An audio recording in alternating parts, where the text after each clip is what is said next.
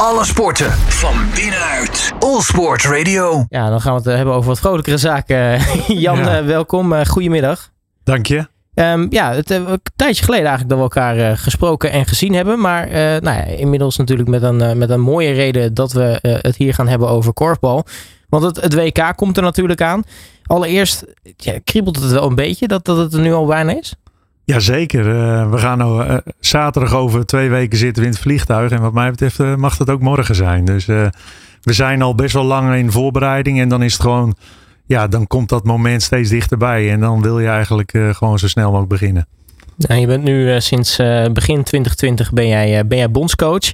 Ehm, ja, dat betekent dat we inmiddels iets meer dan, dan drie jaar verder zijn. Het WK komt er nog aan. Dat, dat zou, ja, zo, ik, ik vond het een mooie titel. Een beetje de last korfball dance zijn voor, voor, voor jou. Ehm, dat bondscoachschap, hè, is het tot nu toe geweest wat jij ervan had verwacht voordat je begon? Nou, zeker. Eh, op heel veel aspecten wel. Kijk, ik begon natuurlijk vol in de corona. Dus dat was gewoon een hele gekke periode. En eh, dan heb je natuurlijk, hadden wij als eh, Team NL het voorrecht dat we wel konden trainen en sporten in die periode. Maar het was natuurlijk de connectie met de rest van eh korfbal in Nederland eh, en sportliefhebbend Nederland was natuurlijk een beetje weg. Dus dat, ja, dat vond ik wel een ingewikkelde periode. eh, maar ook wel leerzaam, want eh, veel, veel dingen van geleerd ook. Met name in de aanloop naar het EK gebeurden ook allerlei dingen rondom eh, die eh, corona perikelen. Dus dat was als coach zeker leerzaam. Ja, vanaf wanneer werd het eigenlijk eh, normaal tussen haakjes? De corona bedoel je? Ja. Ja, ehm, eigenlijk wel vrij snel. Want je gaat gewoon in de modus van ja, wat kunnen we er van, van dit moment het maximale eruit halen. Dus in die zin ben je gewoon bezig met van eh, elke dag van hoe kunnen we het maximale uit die sporters halen. Hoe kunnen we zoveel mogelijk trainen. Wat kunnen we doen om ook eh, wedstrijdprikkels te geven. Nou, noem maar op. Dus die, die, eh, die modus was eigenlijk vrij snel... ja, de wereld was zoals het was en je gaat door gelijk. Maar je mist wel echt het contact met de buitenwereld. Dus dat, vind ik, dat vond ik wel ingewikkeld, ja. Nou, je hebt als, als bondscoach nu twee toernooien meegemaakt. De derde komt er nu aan. Je hebt het EK gespeeld en gewonnen. En ook de, World Games eh, gespeeld en gewonnen. Eh, bijzondere toernooien lijken me ook. Eh, zeker, ja, het EK was natuurlijk uitgesteld. Zou in 2020 plaatsvinden, werd 2021. Ja, en de World Games heb je dan het jaar daarna gelijk. Ja, klopt. Ehm, ja, dat zijn, wat mij betreft waren het allebei hele mooie en uitdagende toernooien. Omdat je het EK met de aanloop van corona zat. We hadden ook nog even wat besmettingen vlak voordat we moesten afreizen naar België. Dus in die zin eh, was dat eh, ja, best wel even spannend van wie er wel en niet mee mocht. En eh, hoe dat dan zou uitpakken tijdens het toernooi. En in het Hol van de Leeuw. Dus dat zijn ook altijd mooie wedstrijden. Dus in die zin binnen acht minuten. Mijn aanvoerder Mick Snel, die we, moest de avond voor de finale vertrekken. Omdat hij eh, zijn eh, vrouw eh, was aan het bevallen. En eh, mijn, eh, nou misschien de, de beste korfballer van dit moment, eh Olaf van Wijngaarden. Die eh, kreeg rood na acht minuten. Dus dan heb je als coach wel een uitdagende eh ambiance om eh, toch nog eh, Europees kampioen te worden. En dat is gelukt. En eh, daar was ik toen ook super trots op het team. Dat wij ons hebben niet hebben laten afleiden door al die omstandigheden. En gewoon gedaan hebben waarvoor we daar, daarvoor waren.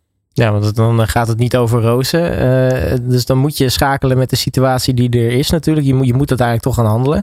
Dan is het toch eh, ja, eigenlijk dubbel zo kicken als het dan ook nog lukt ook. Klopt, die ontlading is dan heel groot. Ja, en eh, ja, dat maakt ook wel echt. eh, kijk, de situatie met Mick Snel hadden we ook aan de voorkant besproken. Van wat doen we als.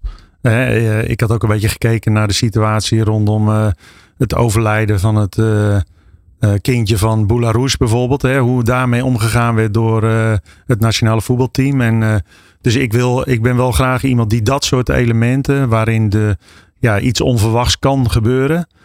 wil ik altijd wel aan de voorkant goed afgehecht hebben. Zodat we ook weten van elkaar van wat doen we als zo'n situatie zich voordoet. Ja, dat is dan weer het mooie aan, eigenlijk aan een zwangerschap. Hè? Je, je, weet, je weet dat het ergens in die periode moet gaan gebeuren. Maar ja, de precieze dag, ja, dat weet je van tevoren niet. Precies, ja. Hey, eh, nu eh, ben je natuurlijk eh, een zeer ervaren man in, in de korfbalwereld. Je hebt natuurlijk daarvoor jarenlang aan het roer gestaan bij, bij Top uit Sassenheim. Succesvol ook natuurlijk. Vier keer zeg je nog over de Korfbal League gewonnen. hoe, hoe verhoudt het bondscoachschap zich tot, tot jouw tijd als clubcoach eigenlijk? Ja, het is een. Het mooie is denk ik dat de relatie er heel erg sterk ligt. Hè. wij hebben ook gezet, ja, eigenlijk uit de periode dat ik zelf clubcoach was, heb ik eigenlijk wel geleerd van hey, hoe belangrijk het contact is met de clubcoach als bondscoach. En het elkaar informeren. Eigenlijk wil je als bondscoach en ook als clubcoach dat je samen om die atleten heen staat om hun ontwikkeling maximaal te, te maken. En die, in die zin hebben we daar ook heel erg ingezet in mijn periode als bondscoach. Van hoe kunnen we er nou voor zorgen dat die samenwerking optimaal is en dat we dus samen werken aan die ontwikkeling van die atleet. En dat is in ons beide belang. Dus daar hebben we heel erg op ingezet. En uh, dat is in mijn ogen ook heel goed gelukt. Uh, ik krijg er ook veel positieve feedback op van clubcoaches. Dus dat is iets heel moois. Daarnaast is natuurlijk bij de, bij de club is het elke, elk weekend is belangrijk. Dus je hebt, je hebt eigenlijk een kort, constante korte prestatiecyclus na het volgende week. Van hè, wat kunnen we verbeteren? tegen wie spelen we? De aanpassing, plan maken. En die wedstrijd proberen te winnen. En als bondscoach heb je een heel ander traject. Dan ben je eigenlijk veel langer aan het voorbereiden. En heb je een grotere groep om uit te kiezen. Dus je hebt een. Ja, je keuze is eigenlijk veel groter. En je hebt ja, veel harder selectieprocedure. Want ja, we, wij kunnen gewoon kiezen uit nou, ik denk dat wij gewoon vijf teams kunnen maken die potentieel wereldkampioen kunnen worden. Dus en daar moet je dan uit kiezen. Dus in die zin is dat ook nog wel een uitdaging om te kiezen van nou, waar, waar kies ik dan voor en hoe ga ik dat dan op zo goed mogelijk prestatie leveren op het WK. En daarnaast hebben we in mijn ogen als bondscoach heb je ook een soort toekomstbril nodig waarin ik geprobeerd heb samen met mijn staf om uh, te kijken van nou, hoe ziet het korfbal van de toekomst er nou uit? En hoe kunnen we daar dan een bijdrage in leveren vanuit Team NL? Ja. Ja, want je hebt natuurlijk ook nog hè, de, opleidingsteams. Je hebt het Jong Oranje natuurlijk. Uh, ja, eh, die, die talenten moeten op een gegeven moment natuurlijk wel die doorstroom maken. Ik, ik, kan me voorstellen dat je daar heel erg mee bezig bent om te kijken van... Goh, hoe ziet zo'n traject eruit? Wanneer zou zo'n persoon ja, door kunnen stromen naar, naar het grote Oranje? Ja, klopt. Bij... Uh bijvoorbeeld bij blessures, dan uh, pakken we ook altijd iemand uit. Uh, Talent Team NL heet dat dan bij ons. Dus de onder 21. En die laten we dan meedoen. Dus we proberen ook die doorstroming. Ja, ook al ze kennis te laten maken met de volgende stap. Van wat is er dan voor nodig om, de, om in Team NL te komen. En ja, dat de samenwerking met Kees Vlietstra, de bondscoach van Talent Team NL, dat, we, dat is echt heel goed. En uh, we trainen ook uh, in bepaalde periodes van het jaar samen. Zodat we ook al ja, die, die kruisbestuiving, zoals wij dat noemen, al optimaal kunnen benutten. Nu uh, ben ik eigenlijk heel benieuwd hoe het in, in het uh, korfbalwereldje werkt. Want nou, we weten bij het voetbal, als daar een bondscoach met een bepaalde clubachtergrond de scepter over gaat nemen, dan wordt er eigenlijk altijd verweten van, oh ja, hij stelt alleen maar spelers van die ploeg op. Hoe, zit dat eigenlijk toen jij begon als bondscoach? Kreeg je toen ook wel eens het feit van, oh, je neemt alleen maar topspelers mee of zo? Wat, nou ja, um, Eigenlijk is het percentage topspelers alleen maar afgenomen in de tijd dat ik bondscoach had. Dus daar heb ik geen last van gehad. En dat, dat had ook te maken gewoon met ja, het moment van de carrière van die spelers. En ook van een aantal van hun vertrek bij uh, top. Dus in die zin uh, werd de connectie met top eigenlijk steeds minder. Uh, maar oh, ik ben oorspronkelijk uh, een blauw-wit speler, uh, blauw-wit Amsterdam. Sterker nog, jij, jij speelde volgens mij uh, ten tijde van je debuut als coach van top, speelde je nog in het zesde bij blauw-wit. Toen was uitgerekend jouw eerste wedstrijd, geloof ik, was, was tegen blauw-wit. Ja, klopt. Ja, ja klopt. Dus dan, wordt dan wordt die vraag ook wel eens aangesteld van welke club ben je nou eigenlijk, zeg maar. Dus die, nee, ehm, ik denk niet dat het echt speelt. Want ook van blauw-wit hebben we in mijn periode geen spelers gehad bij Team NL. Nou ja, dat vind ik zelf persoonlijk als blauw-witte wel jammer. Maar uh, als coach kan ik dat wel uh, uitleggen. Ja, je ziet er trouwens nog, nog heel erg fit uit. Speel, speel je nog in, in Blauw-Wit 6 of, of uh, nou, speel tegen, je wel nog korfbal? Ja, ik speel nog steeds bij Blauw-Wit in een vriendenteam. Ja, we hebben gewoon een leuk team. En ja, vooral ja, die groep is heel gezellig. En we gaan ook nog een weekendje weg elk jaar. Dus dat is gewoon een mooie dynamiek om nog steeds in te spelen. Maar we worden wel langzaam oud hoor. maar wel mooi dat dat natuurlijk nog gewoon kan. Ja, vind ik wel, ja, klopt. Ja, het, het, is, het moet er allemaal nog maar bij passen, zeg maar. Want, uh, nou ja, gelukkig als bondscoach waarschijnlijk uh, iets, iets rustiger tussen aanhalingstekens. Omdat de periodes tussen toernooi natuurlijk langer zijn dan als misschien als clubcoach. Nou ja, je hebt natuurlijk minder druk op de, in het weekend, zeg maar, dan, dan een clubcoach. Maar als clubcoach heb ik het ook altijd gedaan. Want wij spelen dan op zondag bij voorkeur. En die dus het betekent dat we ja, op zaterdag, waarin de, het meeste korfbal plaatsvindt, ben ik gewoon beschikbaar en kan ik gewoon mijn ding doen. Dus die, in die zin uh, ja, gaat dat prima. Ja, en neem je dan de, de tactieken die je hanteert voor het team nog wel eens mee naar, naar Blauw 6? Of? Nee, want uh, die fitheid hebben wij niet meer. Dat is allemaal energie besparen is dat uh, in, in die wedstrijden. En bij Team NL is het met energie smijten. ja, nee, dat is zeker waar. Uh, nu ben je natuurlijk dan uh, nou, iets meer dan, dan drie jaar bondscoach. Uh, nu zijn er in die, in die tijd natuurlijk best wel wat, wat dragende spelers of hele ervaren spelers zijn, zijn gestopt. Die hebben afscheid genomen van, van de sport. Eh, het zijn dan wel voor Oranje of, of helemaal. Zijn dat, zijn het nou spelers die je wel misschien enigszins aangesloten houdt. Omdat die ervaring misschien ook weer kan gebruiken voor uh, nieuwe, nieuwe spelers bij een nationaal team. Of dat je zegt van nou blijf bij je team in ieder geval betrokken en help het korfbal in die zin eh, verder. Ja, het zijn zeker mensen die betrokken zijn bij het korfbal. Maar, uh, en het zijn ook gewoon iconen voor de sport in mijn ogen. Want een Mick Snell die, ja, die ik heb ooit gewerkt voor een Amerikaans bedrijf, 3M. En daar daar hadden ze als uh, een van de slogans Raise the Bar. En uh, ik vond uh, Mick Snell was iemand die elke training, elk moment met elkaar die lat omhoog legt. En daar vol voor gaat. Dus in die zin was dat echt een icoon.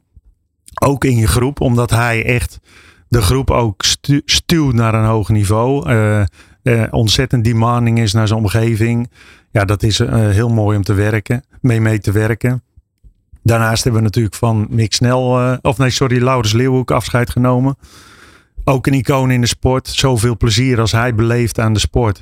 En ook hoe hard hij daarvoor uh, wil gaan. Ja, dat is ook gewoon schitterend om te zien. Uh, de, Laurens was een speler waar iedereen graag mee samenspeelde. Dus het was altijd een gevecht wie er bij Laurens in het vak mocht. Zeg maar. Dus in die zin, dat zegt ook heel veel over hem. Hoe hij een team kan dragen en wat, wat hij betekent voor een team. En ook uh, Celeste Split natuurlijk all-time topscorer bij de vrouwen uh, in de competitie. Uh, en ja, ontzettende klasbak om mee te werken. Ook zij was iemand die absoluut niet tegen haar verlies kon. En absoluut alles uit de kast gaf om dat ook te realiseren. Dus dat zijn wel mensen die, ja, die een team ook echt naar een hoger niveau tillen. Dus dat is wel mooi om daarmee gewerkt te mogen hebben. Nou, maar heb je daar dan nog af en toe eh, contact mee? Of? Ja, zeker. zeker. Eh, je komt ze natuurlijk links of rechts nog wel eens tegen. En uh, ik had ze ook uitgenodigd. ik, vorig jaar vierden we een feest samen met mijn partner. Zouden we in corona doen, samen 100. Maar toen heb ik ook een aantal van die toppers uitgenodigd. Ja, dat was heel leuk om ze dan weer te spreken en te zien. En ze, het is wel grappig dat je dat zegt over dat aanhaken van die toppers. Wij hebben dat ook. Uh, leren van de oude meester hebben we ook uh, wel bij KKV besproken om te kijken van kunnen we ze inzetten om bijvoorbeeld een keer wat te vertellen tegen onder 19 talenten of onder 17 talenten van het Nederlands team. Van wat komt er nou op me af en waar, waar kan ik me waar heb ik invloed op en waar, wat, wat heb ik nou te doen als talent? Ja, nu uh, hadden het eigenlijk al over de, de doorstroming, hè? Ook, ook van spelers vanuit het, uh, vanuit het talentteam. Um, wie, wie is nou echt in jouw ogen uh, ja, het grootste talent, of misschien een van de grootste talenten die jij in, in, in die tijd hebt, hebt mogen kunnen doorstromen eigenlijk?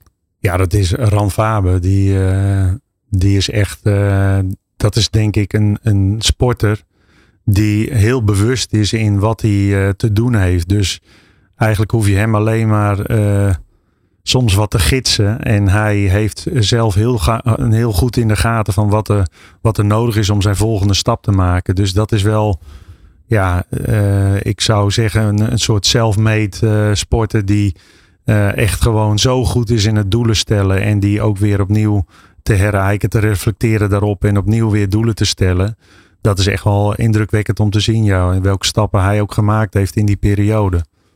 Nu heeft het bondscoachschap natuurlijk de, de, hoogtepunten, dieptepunten. zoals eigenlijk alles, ook het leven. Wat, wat is nou jouw periode als bondscoach misschien de grootste uitdaging geweest? Of hetgene waar je het meeste, meeste moeite meldt? Nou, dat is, ik denk dat er twee dingen zijn. De, de eerste had ik al even kort aangestipt. Dat was eigenlijk in de aanloop van het EK rondom de coronaperiode. En dat we ook nog gevallen hadden in de groep. En dat je dus echt ook als staf uh, als, uh, onder druk komt. Waarin je echt uh, heel nauw moet samenwerken en de goede beslissingen moet nemen. En ik vind dat we daar ja, heel goed in geslaagd zijn met elkaar. Van dat we ja, ook onder die tijdsdruk en onder die omstandigheden heel goed gefunctioneerd hebben. Ik herinner me dat we nog, we zouden op zondag vertrekken naar het EK. ik kon zelf niet mee omdat ik een besmetting had. Die zou tot maandag duren, mits ik koortsvrij was. En de, mijn assistent was ook besmet geweest en die ging. die kon, was net op tijd wel hersteld, dus die ging wel mee. Maar de sporters gingen dus op vrijdag testen en op zondag testen. En als je dus positief was, kon je niet mee naar het EK. Ja, dat zijn wel ontzettend stressvolle momenten voor de arts, voor de uh, teammanager, voor de, de fysiotherapeut die daar een belangrijke rol in gespeeld heeft. Dus ja, uh, ja, uh, dat zijn wel. en ik zat met koorts thuis de telefoon zouden te regelen om dat allemaal in goede banen te, te leiden. En ja, dan ben je wel trots als dat dan achteraf dat we daar de goede keuze in gemaakt hebben en dat we daar een, mooi resultaat gehaald hebben. Nou, en jij zei enerzijds, wat is dan het anderzijds? Nou, anderzijds is ook wel dat je, uh, vind ik, de social media, die uh, als coach, als clubcoach heb je daar gewoon minder mee te maken. Maar als bondscoach merk je gewoon dat ja, veel mensen een mening hebben over wat je doet als uh, bondscoach. En ook dat zij zonder eigenlijk de situatie te weten al een, een oordeel hebben over hoe het gegaan zou zijn. Dus, dus wat mij betreft zijn dat ook wel uitdagende uh, factoren waarin je gewoon probeert bij jezelf te blijven en de dingen, het proces wat je met elkaar uh, doorloopt, heel goed en zorgvuldig te doen. En, uh, maar dan is het soms toch niet leuk om te lezen. Ja, je moet eigenlijk een dikke, dikke huid hebben en een plan voor je kop eigenlijk. Nou, dat helpt wel, ja. nou ja dat, dat is dan de meeste uitdaging. Wat, wat is nou het mooiste moment wat je hebt beleefd als bondscoach?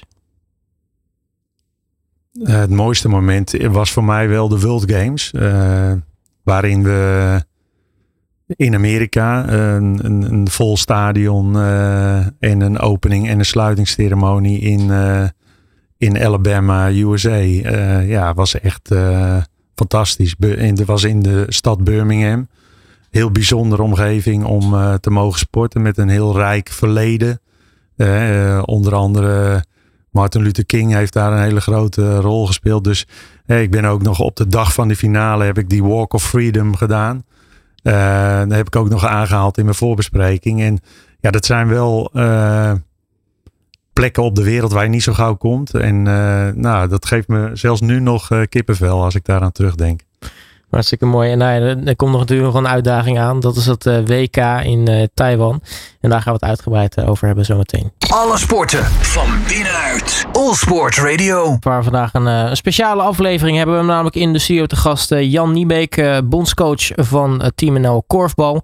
Want jullie reizen natuurlijk binnenkort af naar Taiwan om daar het WK te spelen.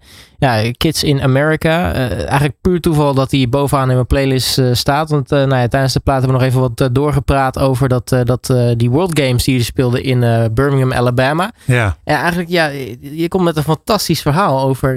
nou ja, je, je komt wat locals tegen en voor je het weet sta je met de hele ploeg op een barbecue ergens in, in de heuvels. Ja, klopt. Ja, we, we waren in een restaurant aan het eten en we raken in gesprek met een willekeurige Amerikaans stel.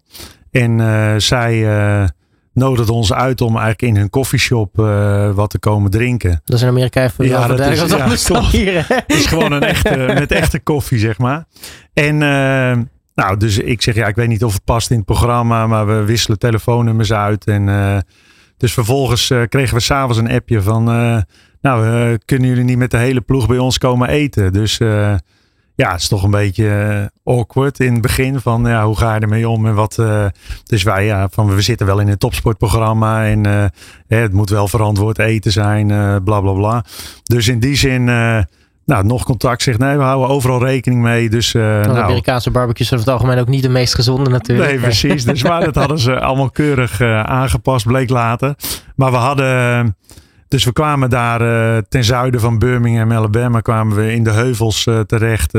gigantisch mooie vrijstaande villa, die met de tuin helemaal verkleed of aangekleed in Amerika en Holland-stijl. En uh, toen we binnenkwamen ging het volkslied aan van Nederland. En dus we voelden ons ook daar gigantisch welkom. En dat was echt een fantastische ervaring. En ik heb nog steeds contact wel met die vrouw uit Birmingham. En het is gewoon echt indrukwekkend om mee te maken hoe gasvrij die mensen daar waren. Ja, en je hebt denk ik fans voor het leven daar zo. Ja, klopt. Ze waren allemaal aanwezig bij de finale en met de hele familie. Dus het was echt een mooie ervaring. Ja. Nou, dat uh, wat betreft uh, de World Games. We gaan nu richting ja, World Cup eigenlijk. de, Het WK natuurlijk. Taiwan, 20 tot en met 29 oktober. dat is dan nou ja, over iets minder dan een maand tijd. Hoe verlopen de voorbereidingen op het toernooi?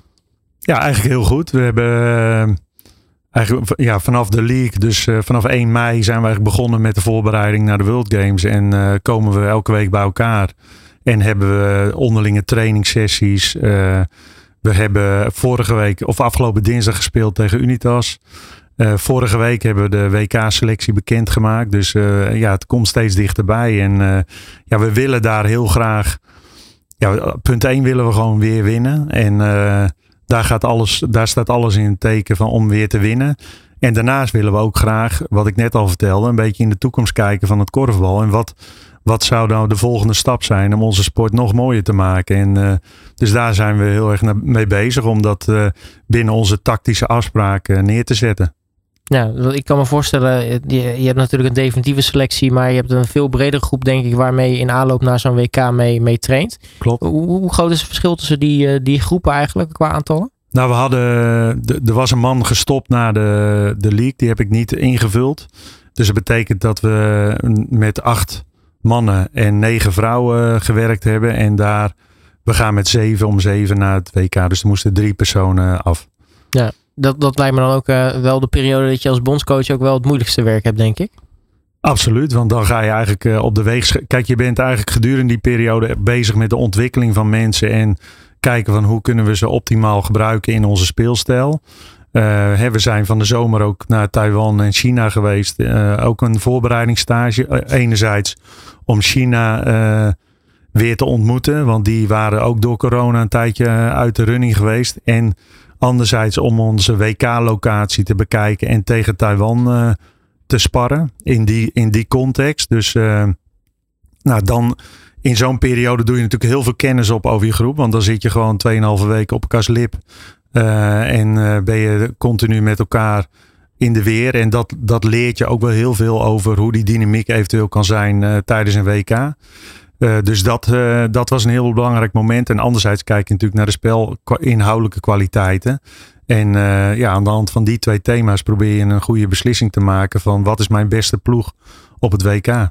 Ja, werd er trouwens nog een beetje in dank afgenomen dat China en Taiwan uh, achter elkaar uh, te, te, bezoeken? Want uh, nou, er, zijn, er zijn nog wat spanningen schijnt momenteel. Ja, nou, het is belangrijk om in China vooral over Chinese Taipei te praten. Want dan, dan kijken ze anders aan tegen die term. En dus we hebben ons ook wel voor laten lichten van hey, wat is nou verstandig om wel en niet te doen. Maar je kan, we vlogen gewoon van Shanghai naar Taipei, een rechtstreekse vlucht. Dus in die zin uh, kan dat allemaal.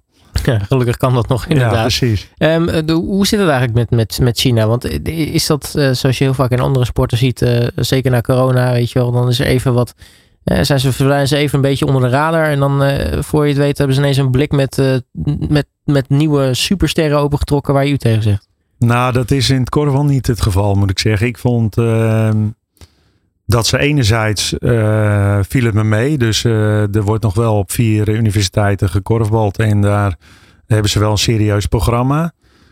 Maar het niveau viel me wel een klein beetje tegen. Dus in die zin ja, hebben ze wel een jasje uitgedaan in mijn beleving. En ook de, nou, de lokale, de overheid. ik had het idee dat die ook nog wel wat enigszins gereserveerd was. We hadden daar ook een meeting met het ministerie van Sport en de Bond van China. En nou, dat ik was er nog niet heel enthousiast over hoe dat dan, hoe de plannen naar de toekomst uitgestippeld zijn, zeg maar. Want over in 25 zijn de World Games in Chengdu, het, de stad van de panda's, zeg maar. En daar, nou daar, ik denk, ik ben benieuwd of ze zich daarvoor gaan kwalificeren. Want je moet je ook kwalificeren voor de World Games. Dat wil niet zeggen dat in China is dat zij automatisch meedoen. Dus ik ben wel benieuwd of ze dat gaan redden. Ja, uh, overigens uh, dezelfde stad waar volgens mij dit jaar de universiteitsspelen waren. Klopt, dus, uh, ja. dus ook echt wel een stad met een sportachtergrond. maar in hoeverre ben je als Nederland natuurlijk ook bezig in aanloop naar zo'n toernooi om, om nou ja, ook, ook gewoon ambassadeur van de sport te zijn en de sport op andere plekken ook sterker te maken? Want dat is natuurlijk weet je dat tweeledige. Aan de ene kant wil je natuurlijk niet uh, volledig open kaart spelen, want dan uh, nou ja, speel je je concurrentie natuurlijk in de hand. Maar aan de andere kant, het is natuurlijk wel fijn op hoe meer plekken er, er, er goed gekorfbald wordt of goed met korfbal omgegaan wordt. Hoe leuker het in de long run uiteindelijk is uh, met, met tegenstand. Nou, dat klopt. Wij zijn als Nederland wel echt serieus bezig om zeg maar het internationale korfbal naar een hoge plan te trekken. En dat doen we eigenlijk op allerlei uh, verschillende manieren. Dus dat, uh, dat gaat van, hè, wij zijn vorig jaar met uh, Team NL en Talent Team NL naar Portugal geweest voor een trainingstage.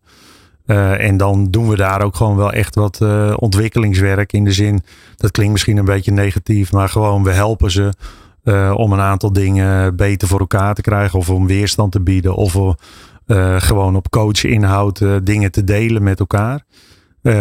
dus dat enerzijds. En vaak als wij ergens komen, dan heeft het ook promotionele waarde.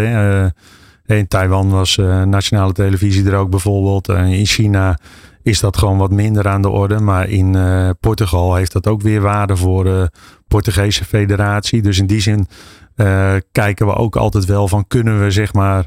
Enerzijds willen we gewoon zelf ons goed kunnen voorbereiden. Maar anderzijds wil je ook ergens zijn waar je iets kan toevoegen. Dus dat is daar proberen we altijd wel naar te kijken, ja. En we, uh, dat doen we ook met onze jeugdteams. Uh, die gaan ook naar Tsjechië, naar Polen, naar Duitsland, naar ehm, Spanje. Dus, dus in die zin proberen we daar ook zeg maar die, die stages die we daar doen ook op die manier in te zetten. En bijvoorbeeld een voorbeeld is ook dat we de challenge, de Korrel Challenge is een belangrijk evenement van ons tussen kerst en oud en nieuw daar nodigen we ook uh, internationale teams uit. Dus bijvoorbeeld het uh, voor de komende uh, challenge staat Hongkong onder 21 en Hongkong onder 16 komen meedoen in onze jeugdprogramma's. Engeland onder 19, Duitsland onder 19, België onder 21, onder 19, onder 17, onder 15. En daarmee kunnen we ze eigenlijk wel bieden dat ze op het hoogste niveau kunnen, ja, competitie kunnen spelen. Ja, is, is dat betreft uh, Taiwan het, misschien het allerbeste voorbeeld in, in hoe succesvol uh, uh, zeg maar het, het korfbalzendingswerk kan zijn? Nou zeker. Ik denk dat Taiwan, die laten nu zien dat zij het grootste en beste land van Azië en Oceanië zijn. Hè, Australië, Nieuw-Zeeland, uh, die hebben eigenlijk een veel grotere korfbalhistorie. Maar Taiwan is een mijlenver voorbij. Zij hebben nou uh, een heel goed programma op hun nationaal teams. Hebben ook vanaf jongs af aan al korfballers aan de gang. Hè. We waren daar een wedstrijd spelen tegen Taiwan. we hebben daar vier keer tegen Taiwan gespeeld. Maar er was één wedstrijd waar ook heel veel jeugd was uh, van uh, omliggende. Ja, zij, daar is het allemaal schoolgeoriënteerd. Hè? Dus het is allemaal schoolsport. Maar er waren heel veel scholen die dus met hun kinderen die korfbalden uh, bij de wedstrijd aanwezig. Dus je ziet dat het daar wel echt. ja, daar klopt het, zeg maar. Dus de, de piramide is goed, van jeugd naar oud. En de kwaliteit is goed. en zij spelen ook echt een belangrijke rol in de ontwikkeling van het korfbal in Azië. Zij zijn uh, ze hebben ook China, uh, zij zijn de grondleggers van het korfbal in China. Zij zijn de grondleggers van het korfbal in Maleisië en in uh, Thailand. Ik zocht even de goede naam, Taiwan, Thailand. Maar Thailand. Dus zij zijn echt heel goed bezig daar. En in Maleisië gaat het ook heel hard. Die waren tweede op de kampioenschappen daar bij onder 21. Dus ja, je ziet, zij zijn eigenlijk het Nederland van het oosten, zeg maar. Dus zij doen goed werk. Uh, nou ja, terug even naar de voorbereiding op het WK. Want je zegt de voorbereidingen zijn, uh, nou ja, gaan eigenlijk goed, uh, gaan voorspoedig. definitieve selectie is, is bekendgemaakt. Wie, wie ga je meenemen naar, naar Taiwan? Je gaat, dan moet ik ze alle veertien opnoemen. Nee, ja, wie ik mee ga nemen is natuurlijk Olaf van Wijngaarden, Daan Preuninger. dat zijn in principe de, de target mannen, zeg maar, die, ja, die ook hoogstwaarschijnlijk in de finale gaan spelen als alles goed is. Uh, Harjan Visser, Rand Faber, Alwin Oud, Bo Oppe. En dan mis ik er nog één. Nee, je hoeft het ook niet allemaal op te noemen. Maar... Nee, maar ja, precies. Nee, maar je hebt, je hebt uh, dus we, uh, in principe gaan we gewoon met een uh, uitstekende Terrence. Dus we hebben, daar was hij. ja, daar was hij. Maar we hebben dus een mooie sterke selectie en ja, wat mij betreft zijn dat wel de belangrijke mensen. En je ziet uh, bij de vrouw uh, denk ik dat een Fleur Hoek, die, die worstelt wel wat met haar fitheid. Maar ja, is nog steeds wel een van onze toonaangevende vrouwen. Sita Schreuder. Ook die is eigenlijk dit jaar toegevoegd, maar heeft zich al heel goed laten zien in Taiwan. Dus ik ben ja, wat dat betreft uiterst positief gestemd. Ja, en ik hoorde dus een aantal namen eh, die dus ook echt die doorstroming hebben gemaakt. Succesvol vanuit dat, dat. Die ook nu echt gewoon eh, bijna een soort van vaste waarde zijn eigenlijk. Ja, klopt. Absoluut. Dus, die, die, dus onze talentontwikkeling is gewoon echt een sterk. Dat staat heel sterk in de korfballerij, vind ik. We hebben over heel Nederland uh, iets van uh, 17 onder 15 teams. Dat zijn gewoon regio-teams waarin de beste kinderen een goed traject krijgen dan uh, onder 17, onder uh, 19. Dus dat staat gewoon uh, echt heel sterk in Nederland. En ook met dank aan alle korfbalclubs in Nederland. Want we, wij waren van de week weer bij Unitas in Harderwijk. En dan zie je hoe sterk en zo'n club is, zeg maar. En hoe groot het korfbal in Nederland is. Dat is toch altijd weer mooi om te zien. Nou, nu zitten we, zoals we eigenlijk al eerder refereerden, iets minder dan een maand voor het toernooi. Hoe gaan nu die laatste, die laatste paar weken richting dat jullie weggaan er eigenlijk uitzien? Wij hebben uh, komende dinsdag spelen we nog een testwedstrijd onderling. En een testwedstrijd, daar bedoel ik mee. Uh, wij meten. we zijn begonnen zeg maar, met data meten tijdens de wedstrijden. En we willen ook kijken van hoe doet die, wat doet die data als je verschillende tactieken speelt. Dus nou, een verschil zou kunnen zijn van als je pressie uh, speelt, dus je jaagt de tegenstander af uh, over het hele veld. Of speel je meer op de rebound en hou je eigenlijk, wil je altijd uh, na een poging de bal hebben. Dus die twee verschillende tactieken. En willen ook kijken van wat doet het nou in de data als je qua aantallen sprints, qua, aan, qua hartslagen, qua rustarbeidverhouding, qua versnellingen, qua jumps, uh, nou, noem maar op. Dus, dus dat proberen we allemaal uh, te meten. En dat gaan we dinsdag weer doen. Dus het is gewoon ook een belangrijk moment voor ons om meer inzicht te krijgen uh, in onze sport. En ook hoe zou je nou dat bijvoorbeeld trainbaar kunnen maken. Dus, die, dus dat, is een, dat gaan we dinsdag nog een keer doen. Dus we hebben dan een aantal momenten voor geprikt in het jaar om dat te doen. En dinsdag is de laatste. Um, en het is tegelijkertijd ook een belangrijk moment, want dan gaan we ook weer gewoon verder zoeken naar de basis. Dus dat betekent ook dat we daar uh, wel opstellingen zullen maken waarin we kijken van uh, wat zou een goede basis zijn voor de finale. Um, en uh, dan trainen we woensdag ook. Daarna hebben ze de laatste ronde bij de club. de laatste competitieronde bij de club in het weekend. En trainen ze ook nog bij de club. En die week daarna zijn ze eigenlijk uh, beschikbaar voor ons. Dus dan uh, gaan we nog een aantal dagen op Papendal aan de slag. En uh, vertrekken we op zaterdag richting Taiwan. Ja, en dan zijn jullie er, denk ik, een klein weekje van tevoren zijn jullie in, in Taiwan. Ja, klopt. Ja, klopt. We zijn vijf dagen van tevoren. Zes uur tijdsverschil. Dus in principe, kijk, voor ons is, we hebben ervoor gekozen om nu iets later af te reizen. Omdat normaal gesproken hou je eigenlijk een, een dag aan per eh, uur eh, tijdsverschil. En we hebben nu gekozen om iets later eh, te gaan, omdat de eerste twee landen, Brazilië en Slowakije, die gaan ons het niet lastig maken. Dus daar gaan we gewoon, dat kunnen we prima gebruiken in de, in de aanloop naar het toernooi. Ja, precies. Dat zie je eigenlijk als een, misschien een soort van heel oneerbiedig gezegd veredelde oefenwedstrijden eigenlijk. Nou ja, ik weet niet of het oneerbiedig is, maar het is de realiteit. Ja. En uh, ja, ik, ik, kan me voorstellen, acclimatiseren. Het, het is natuurlijk wel uh, even, even iets anders daar in Taiwan qua klimaat natuurlijk. Want het, het ligt natuurlijk een stukje dichter bij de Evenaar. Dus het zal, het zal wel tropisch warm zijn daar. Nou, het is nu, uh, het was geloof ik afgelopen weekend 30 graden daar. Maar de, de voorspelling is dat het een beetje uh, ja, rond de 6, 27 graden ligt.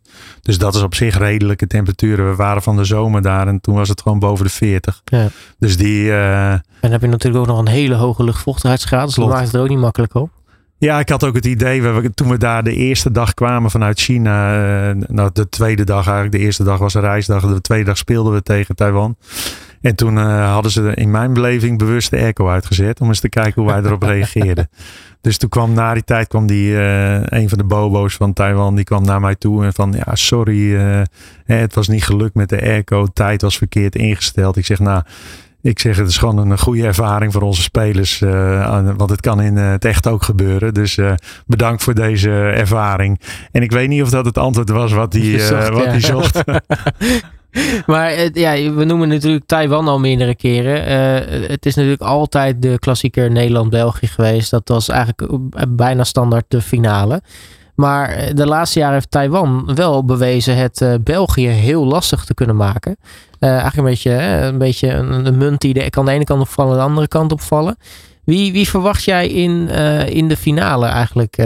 Ja, we, we, hebben het al over de finale. Ja. Heel gekke. Maar, maar ja, dat is, nou ja, dat is onze realiteit. Ja. dat is onze realiteit. Uh, als wij gewoon normaal ons werk doen, uh, dan spelen we gewoon in die finale. En ik verwacht eerlijk gezegd Taiwan. Uh, maar België blijft natuurlijk. Kijk, het voordeel van België is dat zij ook gewoon een goede competitie hebben. Dus dat betekent dat die sporters elke week onder de hoogste druk moeten presteren. En in in Taiwan is, zij trainen heel veel. Ze hebben een heel goed topsportprogramma. Maar de competitie is wel van een ander uh, formaat. Dus in die zin merk je gewoon uh, dat zij mentaal, heb ik het idee dat ze soms nog wel eens uh, iets laten afweten. Omdat het gewoon voor hun een situatie is die niet zo vaak voorkomt. en uh, zij hebben ook wel een handje van om zo hard door te trainen dat ze soms op het toernooi ook wel aan het eind van hun Latijn zijn. Dus ik, eh, ik, hoorde ook van de coach toen we daar waren dat ze de hele zomer door gingen trainen. Dus uh, dat is natuurlijk op zich heel nobel en uh, dat getuigt van veel energie. Maar aan de andere kant moet je natuurlijk als, als coach ook heel goed in de gaten houden van kunnen ze dan nog pieken op dat moment en hoe is dan hun ja, hun toestand fysiek en mentaal. Dus in die zin uh, hoop ik dat ze daar de goede keuzes in gemaakt hebben uh, voor Taiwan. En uh, ja, de laatste op de World Games twee jaar, of, twee jaar geleden, nee, een jaar geleden is het. Hè? Een jaar geleden, iets meer dan een jaar geleden. Toen was het een golden goal tussen België en Taiwan. Dus wie weet wat het nu wordt. Ja, want uh, we weten in Nederland hebben we natuurlijk hè, Joop Zoetemelk. Dus we weten hoe belangrijk rust is. Hè. De Tour win je in bed. Rust heeft natuurlijk ook uh, ja. nut bij het uh, bij, bij kunnen pieken op het juiste moment. Hebben ze, hebben ze in Taiwan ook hun eigen Joop Zoetemelk wat dat betreft? Nou, dat, uh, die heb ik nog niet kunnen ontdekken in ieder geval. Maar uh, het, ze slapen wel makkelijk hoor. Want ze liggen overal te slapen, die Taiwanese. Als je in de sporthal komt en je moet tegen hun spelen, dan liggen ze te slapen bij wijze van spreken. Dus wat dat betreft kunnen ze wel slapen. Maar als dat dan van oververmoeidheid is, dan vraag ik me af. Ja, want uh, verwacht je dat, uh, want, want, wij zouden normaal gesproken zeggen, hè, als je thuis speelt, heb je je thuisvoordeel. Uh, maar we hadden toevallig voor de uitzending over, dat kan misschien ook misschien een andere kant op werken in dit geval van Taiwan. Die staan natuurlijk onder, onder hoogspanning. die, die, gaan, die kunnen de wereldorde een beetje aanvallen in eigen huis. Um, maar ja, het is wel in eigen huis. Alle ogen zijn op dat team gericht. En als je, nou, zoals je zei, die, die prikkels nauwelijks krijgt ja, het is maar net afwachten hoe die spelers daarmee omgaan. Precies, ja. Dus daar ben ik ook heel benieuwd naar. Eh, van hoe zij daarmee omgaan en wat ze dan kunnen brengen op dat moment. Dus ik, uh, ik uh, kijk daar echt naar uit, ja. Ja, en dan uh, is op 29 oktober het toernooi afgelopen. Um, volgens mij, ik, ik, weet niet of dat, dat gelijk dan is, maar dan, dan vrij snel denk ik, ja, zwaai je af als, als bondscoach. Ja, klopt. En dan word je, word je technisch directeur binnen, binnen de bond. Ja, klopt. Dat is misschien een andere, andere stap. Ja, dat is een heel andere stap. Uh, dus uh, dat is echt van het veld af en uh, meer in beleid. Dus ik ben ook heel erg benieuwd hoe ik dat ga vinden, zeg maar. Want het is voor mij ook best wel een nieuwe ervaring. Ik ben ja, eigenlijk vanaf mijn veertiende trainer geweest en coach. En nu komt daar een einde aan. dus en ja, het, in die zin past het ook wel gewoon, denk ik, in, in, de, in de stappen die je wil maken. Ik heb ook best wel ideeën over waar we heen willen met het korfbal, of moeten misschien. Of, en dus in die zin kijk ik er ook wel naar uit om een bijdrage te leveren aan die ontwikkeling. Nou, je bent natuurlijk een man met veel ervaring in het korfbal. Je hebt eigenlijk alle klappen van de zweep wel, wel, wel gehad. Dus ik kan me inderdaad voorstellen dat nou ja, als men een TD-functie wil invullen bij de bond, dat je dan toch wel een van de meest ervaren mensen uit, uit de korfbalwereld pakt. Ja, ja, de, nou ja, dat zou je aan uh, Henry Vermeerten, onze directeur, moeten vragen. Maar de, ik denk dat ik hij... Ik hoop dat hij daar ja, antwoordt, ja. ja. dus maar hij, uh, hij kwam bij mij met die vraag. En uh, ja, ik pak die uitdaging met eer aan, zeg maar. Dus ik, ben daar, ik kijk ernaar uit. Nou, je, je laat het team achter in de handen van, van Art Corporaal. die gaat het sokje van jou overnemen. Is natuurlijk ook een hele, hele ervaren coach. In, in, wat voor een, wat voor een vorm, wat voor een uh, missie laat jij achter bij, bij Art straks met het, met het team? Nou ja, we hebben een aantal dingen. Eh, hebben, ik mocht met Henry mee op die gesprekken. Dus we hebben een aantal dingen wel heel duidelijk gesteld. Dus dat we graag in de lijn die we ingezet hebben. Dus ook in de communicatie met de clubs. In de afstemming rondom de topsporters. Ja, dat zien we wel echt als een meer een toegevoegde waarde. En dat willen we graag doorzetten. Dus dat. Maar ook uh, Art heeft ook wel heel mooi zijn eigen ambities neergelegd. En die wil echt nog wel een volgende stap maken. Dus ik ben ook heel benieuwd uh, hoe hij daarnaar kijkt. En kijk, natuurlijk hebben we daar al gesprekken over gevoerd. Maar ik denk dat we daar ook nog iets meer de details in moeten. Om te kijken hoe, hoe ziet dat er dan uit en wat betekent dat precies. Dus ja, ik, ik, ik kijk daar ook naar uit. Omdat hij ja, we zijn natuurlijk jarenlang elkaars tegenstander geweest. En nu ja. ga je samenwerken. Dus het, ik vind het ook mooi om, om die stap te maken. Ja, want je zult als, als TD en bondscoach natuurlijk wel uh, ook een beetje met elkaar moeten, moeten kunnen onderhouden. Want uiteindelijk jij of, uh, zet voor korfbal in bredere zin zet jij natuurlijk de koers uit uiteindelijk als, ja. als TD. En ja, hij is natuurlijk dan de leidinggevende van het, het grote boegbeeld van, van die route. Nee, klopt, 100%. Dus die, dus die samenwerking zal heel nauw zijn. En, dus dat, en ik moet zeggen, we hebben natuurlijk de afgelopen jaren het is het contact geïntensiveerd, omdat je natuurlijk contact hebt rondom die internationals die Fortuna ook heeft, waar hij momenteel als trainer werkzaam is.